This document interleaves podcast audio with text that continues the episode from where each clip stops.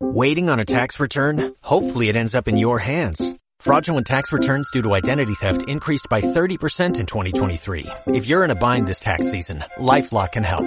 Our U.S.-based restoration specialists are experts dedicated to helping solve your identity theft issues. And all LifeLock plans are backed by the Million Dollar Protection Package. So we'll reimburse you up to the limits of your plan if you lose money due to identity theft. Help protect your information this tax season with LifeLock. Save up to 25% your first year at LifeLock.com slash aware.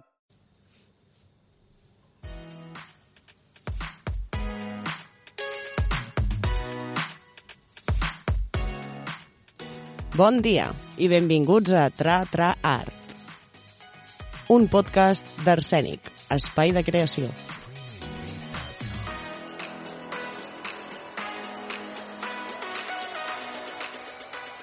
Amb la col·laboració de professors, alumnes, exalumnes i d'altres.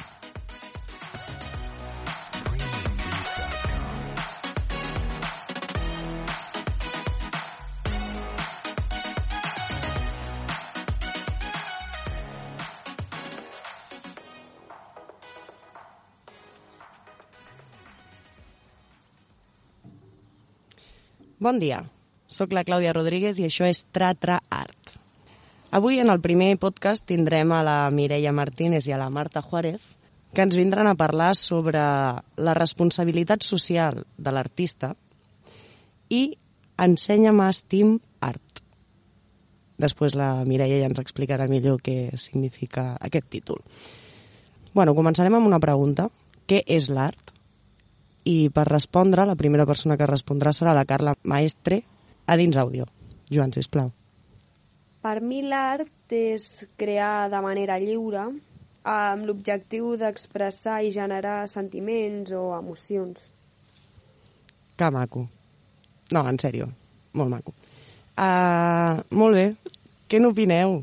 Doncs bé, jo també estic totalment d'acord amb la Carla. Crec que, que l'art és, una, és totalment subjectiva i que eh, ens dona com l'oportunitat a nosaltres com a artistes de poder expressar-nos i, i com donar la nostra opinió al món, no? Molt maco, Marta. Ara, per començar, abans de que contesti la Mireia, que la deixarem, contestaràs després, si et sembla bé, Perfecte. després. Eh, tenim a la Marta Juárez.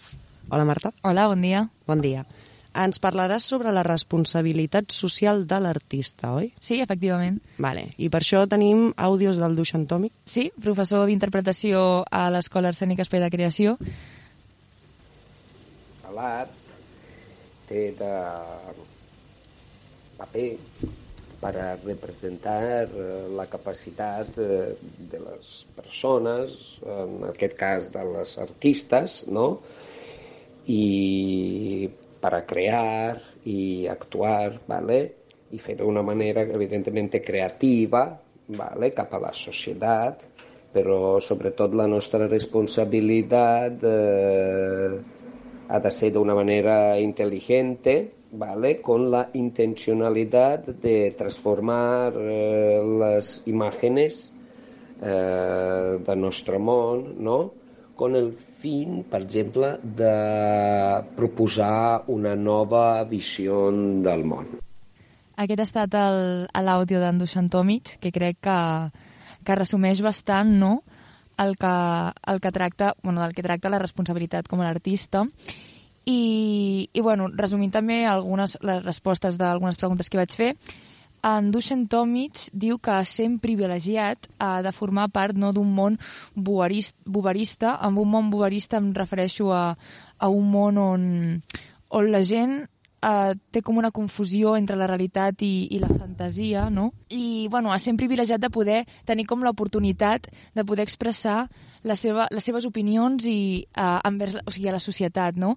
Que també ser com protagonista de, de poder reivindicar alguna cosa té una, o sigui, és una gran responsabilitat com a artistes, opino, ja que sortir davant de la gent ja és una gran responsabilitat personal, no de poder captar l'atenció de la societat, que això normalment ho veiem en els polítics, per exemple, que, que ja fan un discurs i, i ja fàcilment tenen com l'atenció d'un públic, no?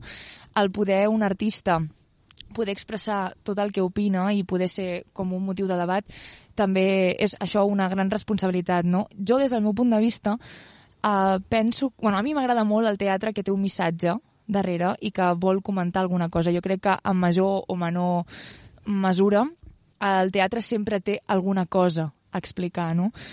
I, i aquí entra la responsabilitat social. Jo penso eh, que la responsabilitat abans de tenir una responsabilitat social hauríem de tenir abans una responsabilitat personal, que ja és prou difícil de gestionar, ja té un gran procés, més que res pel fet de poder um, de poder ser capaç de saber tot el que et passa i tenir tots els sentiments teus i, i acceptar-los per poder acceptar després les teves accions com a persona.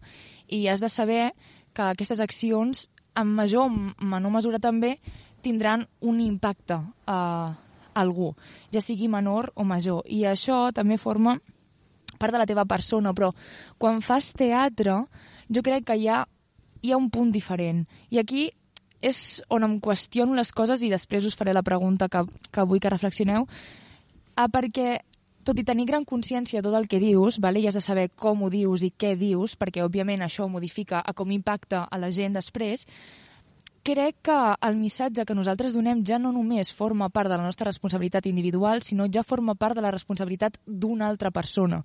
Perquè en el moment en què estàs fent teatre, per exemple, teatre social, el missatge ja com que no pertany només a tu, sinó que també pertany al públic d'una certa manera, no? Deixa d'estar en les teves mans i perquè el, el públic com, com, comença a tenir un paper protagonista en el que estàs dient i ja, no només el que tu aportes com a actor per poder canviar aquesta cosa, sinó que opino que la responsabilitat social és el que podem fer com a societat per poder canviar o visibilitzar algun, algun col·lectiu, per exemple, no?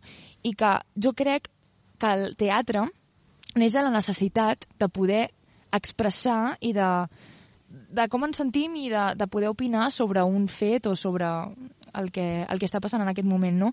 I penso, aquí és un altre tema que, que vull mm, bueno, debatir amb vosaltres, que la societat capitalista a poc a poc s'està carregant una mica com la veritable necessitat no? de, d'exigir un canvi en aquesta societat, perquè crec que ara la responsabilitat social, més que un concepte, s'ha com transformat en una manera de fer negocis, no?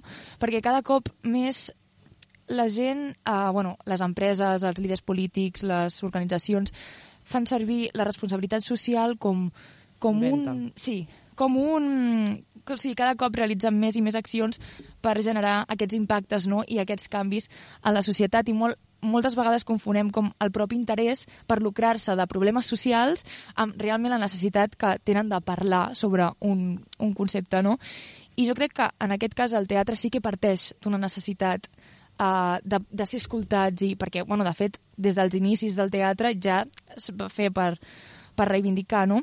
I la pregunta que vull, que vull fer és on queda el missatge si no hi ha oient o si l'oient no es responsabilitza d'aquest missatge. Perquè tu pots dir un missatge molt clar, i, però està a les teves mans un cop ja dius el missatge, el missatge de què, què es fa després amb el missatge, no? Perquè l'oient, bueno, en aquest cas l'espectador, s'ha de responsabilitzar, de responsabilitzar d'aquest. Llavors, la nostra funció és que, que ho sigui, que sigui responsable i que llavors sortint del teatre volem canviar les coses, o depèn de nosaltres que ho sigui, o ja un cop dius el missatge està totalment en les seves mans i no...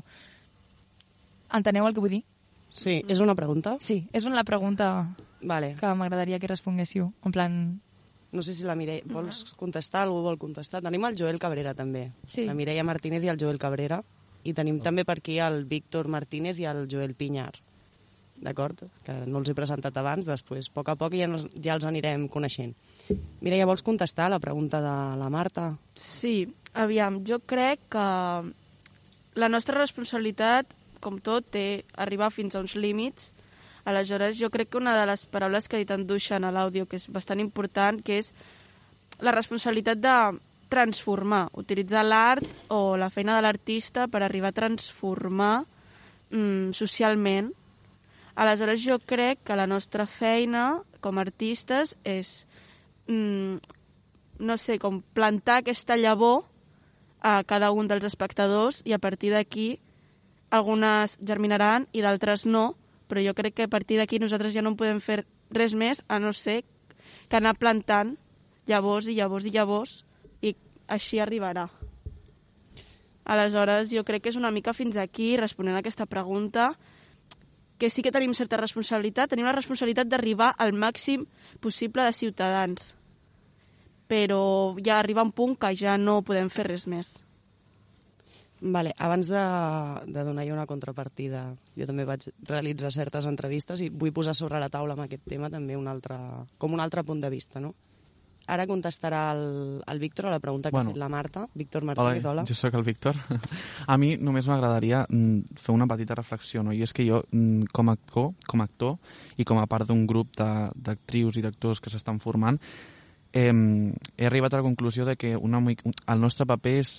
El, hem de fer un estudi de la societat en la que vivim, de la nostra actualitat, del que ens està passant, i, i a partir d'aquest estudi és com arribem a donar-nos compte de com ha de ser dit, interpretat un missatge perquè d'aquesta manera l'espectador després tingui una eina amb la que pot canviar la societat o començar el canvi de la societat. O sigui que el nostre, la nostra feina és fer un estudi de la societat i mirar com el missatge pot impactar de la millor manera com a actors i com a actriu amb, les, amb els nostres muntatges. O sigui, per mi aquesta és, és com la clau de l'actor amb el seu paper de canviar la societat o, o fer algun, algun tipus de canvi. Només jo volia dir això. Vale, em sembla que li vol contestar la Marta. Sí, sí, però és un apunt molt ràpid. Ah, sí. que més que res, o sigui, estic molt d'acord amb el que diu el Víctor, però també penso que, que òbviament, sí, com a artistes hem de- hem d'estudiar la societat i poder veure com el, la millor manera de- d'enviar aquest missatge, però en la meva reflexió també deia que no tothom té la mateixa manera de mirar el món. Per tant, no tothom reaccionarà al teu missatge de la mateixa manera. I per això, a vegades, també, com a actors, és frustrant quan potser gent surt del teatre no pensant pues, això no, no m'ha funcionat o no he reflexionat o cadascú també com que ho rep d'una manera diferent i tampoc crec que ens podem fer responsables de tot el que, el que mm, la gent pensa no? i com, com reben aquest missatge que nosaltres volem transmetre. Clar, aquí volia jo arribar també una mica, no? Mhm. O sigui... Uh, vam, vaig realitzar també una entrevista al Pasquale Bàvaro, Uh -huh. un altre professor d'arcènic, i la resposta a aquesta pregunta també em va cridar bastant l'atenció i també em va fer reflexionar bastant. Llavors, ho deixo aquí anar. No tenim l'àudio ara mateix, però en resum el que ell deia és que no considera que un artista no només a dins del teatre social, que abans parlaves, dins del teatre social entenc que sí, que hi ha una responsabilitat social de base. Però en el concepte d'artista no considera que una persona tingui més, o sigui, un artista tingui més responsabilitat que qualsevol persona. I, clar, després també vaig estar reflexionant, i és cert, o sigui, un artista, si vol viure aïllat totalment de, de lo que és la societat, com si vol ser un ermitany, o sigui, una mica la responsabilitat, no? Sí que m'agrada molt la- l'aportació que ha fet la Mireia de que és una llavor. O sigui, quan tu vols donar un missatge o vols transmetre un missatge com a artista, que considero que és voluntari. O sigui, sé que tens certa responsabilitat, però acaba sent voluntària també, no? I és això, és plantes una llavor. El que surti d'aquesta llavor ja és depèn de qui la regui, no? Uh -huh. La Marta anava primer, no sé si anava... Sí, sí, però si vols parlar, Mireia... No, bueno, era un apunt super curt, que més que responsabilitat, que sí, jo crec que més que partir d'una responsabilitat de jo sóc artista i potser so, tinc més responsabilitat que un altre tipus de persona, jo crec que parteix més de la inquietud. I com han dit a la Carla, l'art és una manera d'expressar sentiments, aleshores mm, jo crec que els artistes partim de la inquietud i tenim com les eines i el llenguatge per poder-les expressar. Ja està, era això. Vale. Jo el que volia dir només és que sí que és veritat que tu et pots mantenir al marge no, d'aquesta responsabilitat. Vull dir, tu com a artista sí plantes la llavor i llavors ja mm, que cadascú rebi com vulgui, però sí que és veritat que vulguis o no, d'una manera acabem sent com personatges públics. Per tant, tot el que fem o tot el que diem cara a un públic tindrà una certa responsabilitat. Que tampoc, o sigui, té una certa responsabilitat, però no ens hem de responsabilitzar del que ells pensin. O sigui, és com una contradicció, perquè realment, com per exemple, eh, poso un exemple, sí que els influencers, que sí que potser basen tota la seva vida, ell és un personatge públic que tothom Clar, però pot ja entrem veure. a persones influents. Clar, però jo penso Però que un també... artista ens- pot no ser influent. Exacte, també. per això, Sí. per això, per això dic que, que sí que és veritat que que potser si estàs fent una obra o un projecte que sí que vols dir un missatge, Exacte. o sigui, en certa part sí que és influent. Sí, sí, Llavors s'ha de tenir com molta cura amb aquests temes perquè sí que tu et pots mantenir al marge, però vulguis o no, un espectador està veient. Molt bé. Ara parlarà el Joel Cabrera. Mm. Què n'opines tu de tot això? Val, jo, Bon dia, amb- Joel. Bon dia. Perdona. Uh, jo de tot això, amb el que deia la Marta de de l'influència que té un artista cap a la gent, jo crec que en el moment que ets artista i fas alguna per mostrar, perquè bàsicament un artista vol comunicar, que jo crec que això és molt important també, clar que tu saps exactament el que vols comunicar, però és el que diem, nosaltres plantem la llavor i ells la reguen o la cuiden o no. Llavors, a partir d'aquí no podem tenir la responsabilitat de que aquesta gent després faci el procés d'entendre, de, de pensar-hi, de reflexionar. Llavors, en aquest cas... O d'estar d'acord Exacte. directament. Llavors, amb això, doncs, vull dir que la, sí que hi ha la responsabilitat, però no és només d'artista, sinó com a persona, de ja tu estàs reflexionant sobre una cosa i el que et fa artista és voler comunicar-la a algú, d'alguna manera. I això és el que et fa fer, ser artista. I la responsabilitat que tens al final és la mateixa cada persona, l'únic que tu la mostres i la comuniques a la gent. M'encanta. O sigui, ha sigut com un resum Sí. concís. Jo crec Digue'm. que un punt també a tenir en compte en tot aquest debat és l'impacte que pot tenir cert artista o un altre artista, traient el tema de, dels influencers. Clar, potser l'impacte social o les llavors que planti un, un influencer potser germinen molt més que una persona que no és tan influent. Aleshores, jo crec que tu també, quan saps que tindrà el teu missatge molt més impacte perquè ja ets conegut o alguna cosa més, també vas amb, una, amb un altre tipus de tarannà a donar aquest, aquest missatge. Aleshores, jo crec que també l'impacte és un, un concepte a tenir en compte tota aquesta reflexió. Algú vol afegir alguna cosa? No? Si us... El En Joel Pinyar. El Joel Pinyar, que el tenim també per aquí. Bon dia, Joel. Bon dia, què tal? Molt bé. Veiem, perdó, un segon, eh? Veiem al final a Sergi, que després el tindrem aquí amb nosaltres. Hòstia, gran companyia d'en Sergi. Res, jo bàsicament vull, vull afegir un, una, una aportació molt, molt bàsica i és que aquí hi ha dues coses molt importants i és a l'emissor i al receptor.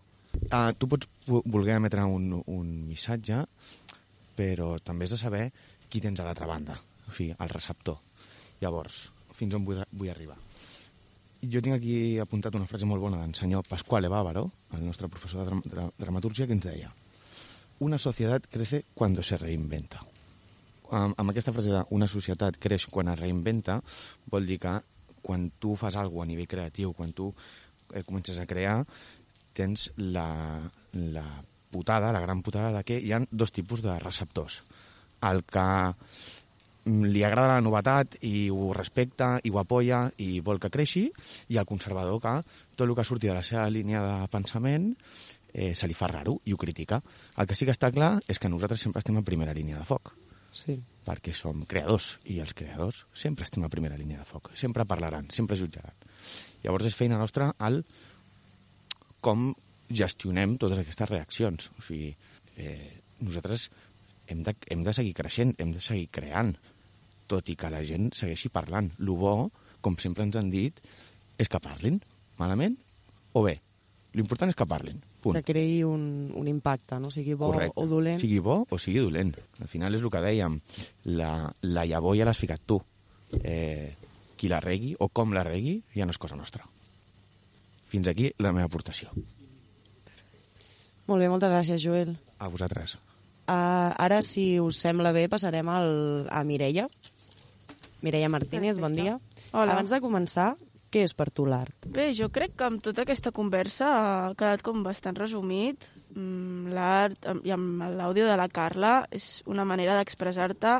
També la Carla ha dit que és una manera lliure, per tant, completament subjectiva, personal e intransferible de com tu et vols expressar. És una eina de- d'expressió.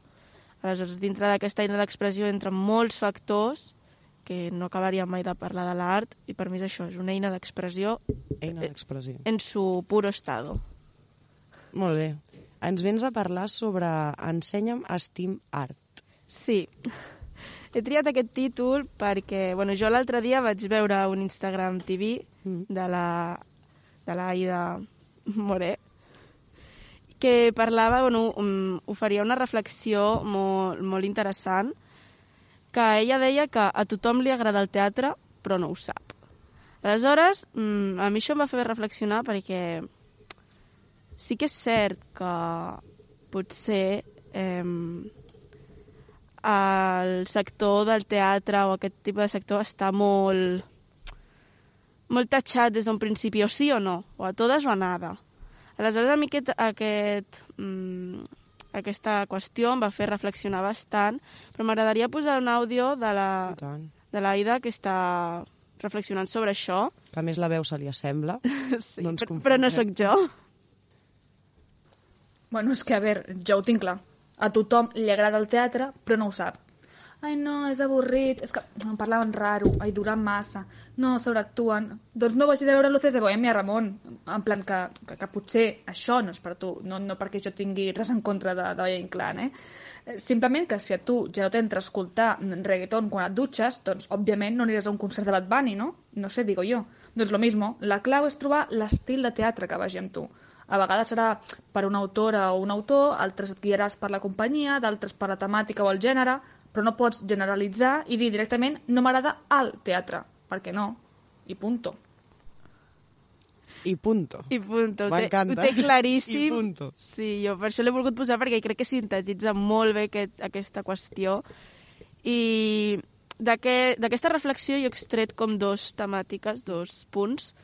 En primer lloc, eh, m'agradaria parlar de quin tipus de, de teatre es mostra, de quin teatre s'ensenya. Per això d'aquí el nom de, de la secció Ensenya'm a estimar-te, perquè crec que hi ha un punt clau a quin, quin tipus de teatre oferim quan comença l'educació artística, que comença des, de, des del col·le.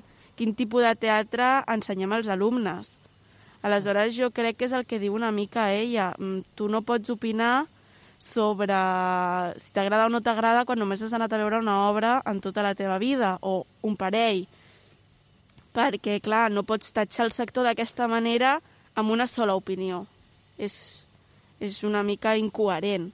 Aleshores jo bueno, vaig estar reflexionant de quin tipus de teatre estem ensenyant a les, als futurs ciutadans o a, als nens petits o nenes mm, perquè hi hagi gent que arribi a afirmar que no li agrada el teatre només havent anat a veure el teatre una vegada. Aleshores aquí m'ha fet reflexionar una mica sobre quin tipus de teatre hem d'ensenyar o quin tipus de teatre hem de mostrar. Hem de mostrar sempre el mateix, hem de mostrar diversos. Aleshores, jo crec que aquí també entraria una mica el tema de la diversitat, d'ensenyar una mica mm, una mica de tot.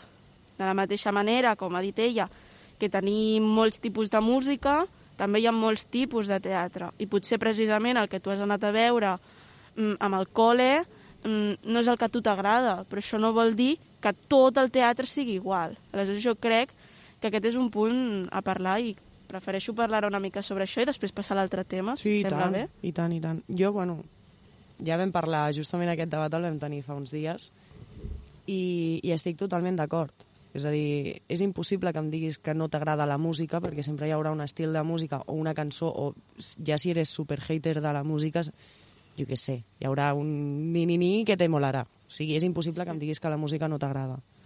I al teatre passa una mica el mateix, no? O sigui, són àmbits que són tan amples, tenen tantíssimes branques, que és impossible que una no t'agradi, o pots dir que no t'agrada fer el teatre, no? O sigui, això sí que ho vam dir, no m'agrada fer teatre, no m'agrada cantar, no m'agrada ballar, però no m'agrada veure ball, per exemple, o sigui, la dansa no, només que no m'agrada veure-la.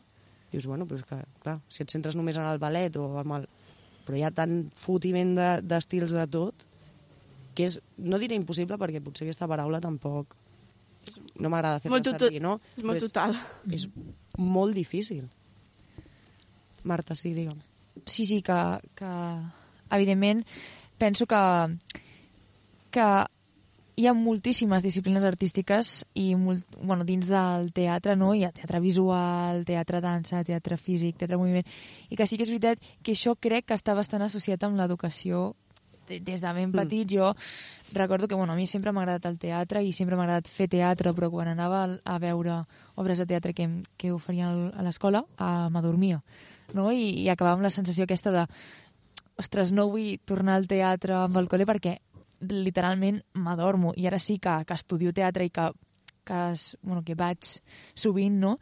Sí que, òbviament, hi ha obres que em funcionen més, altres que em funcionen menys, que em fan reflexionar més o menys, però no puc dir que no m'agrada el teatre. No, no, òbviament hi ha algunes obres pues, que, que no m'han agradat tant com, com Clar. altres, no?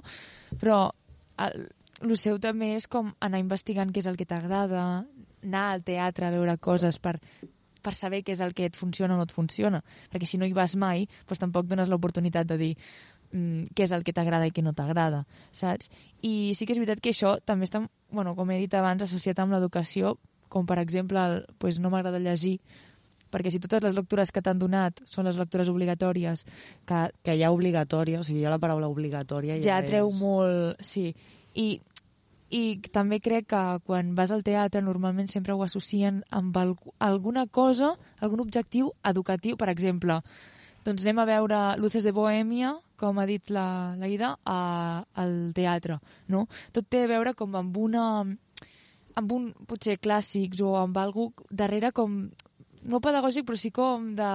Estem estudiant això de literatura, doncs anem a veure el teatre per tal, no?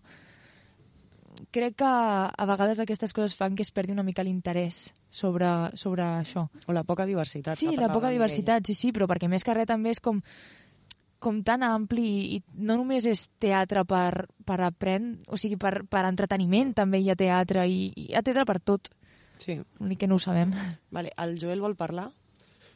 Jo crec que principalment el que passa és sí que hi ha bastanta varietat uh, dins, del món, dins de l'àmbit del teatre, però no és visible, perquè dins de l'educació a les escoles i només es va veure el normatiu que és el teatre de text. Jo no tinc en cap, mai cap obra que amb l'escola primària, ESO i batxillerat anés a veure una obra que no fos de text. Llavors, eh, la diferència que jo trobo amb la música o amb el ball això és que està més visibilitzat diferents estils. Tu amb la música ja tens el reggaeton, tens el trap, tens el heavy, tens el rock, tens el trash, tens molts estils, però una pinzellada de cada saps quin és. Amb el ball coneixes la clàssica, contemporani, break, eh, flamenco... També tens i saps una pinzellada de cada estil. Un mínim, no dic tothom, però ja et diuen el nom i tu ja relaciones amb alguna En canvi, tu quan et diuen teatre i a lo millor et diuen eh, teatre de cos, teatre físic... Què és això, no? Exacte, què és això? Llavors jo crec que també l'educació amb la part aquesta de educar la diversitat del teatre i ensenyar que no totes les obres de teatre que poden anar a veure sigui de text. Perquè jo crec que també als infants o als joves hi ha moltes vegades que arriba més el cos que no el text. A Mireia? Sí, jo volia rescatar una mica això de la visibilitat que has dit, perquè crec que és com el punt clau de... que va molt lligat amb el segon punt que volia parlar, però el tema de la visibilitat jo crec que com a educadors, bueno, jo com a futura educadora també, eh, i els centres haurien de plantejar-se oferir certa diversitat a l'hora d'anar a veure teatre, perquè sé que molta gent dirà ai, és que només tenim pressupost per anar a veure una obra cada any. Ok, però no fa falta que l'obra de primer, de segon, de tercer i de quart siguin del mateix estil, iguals i exactes.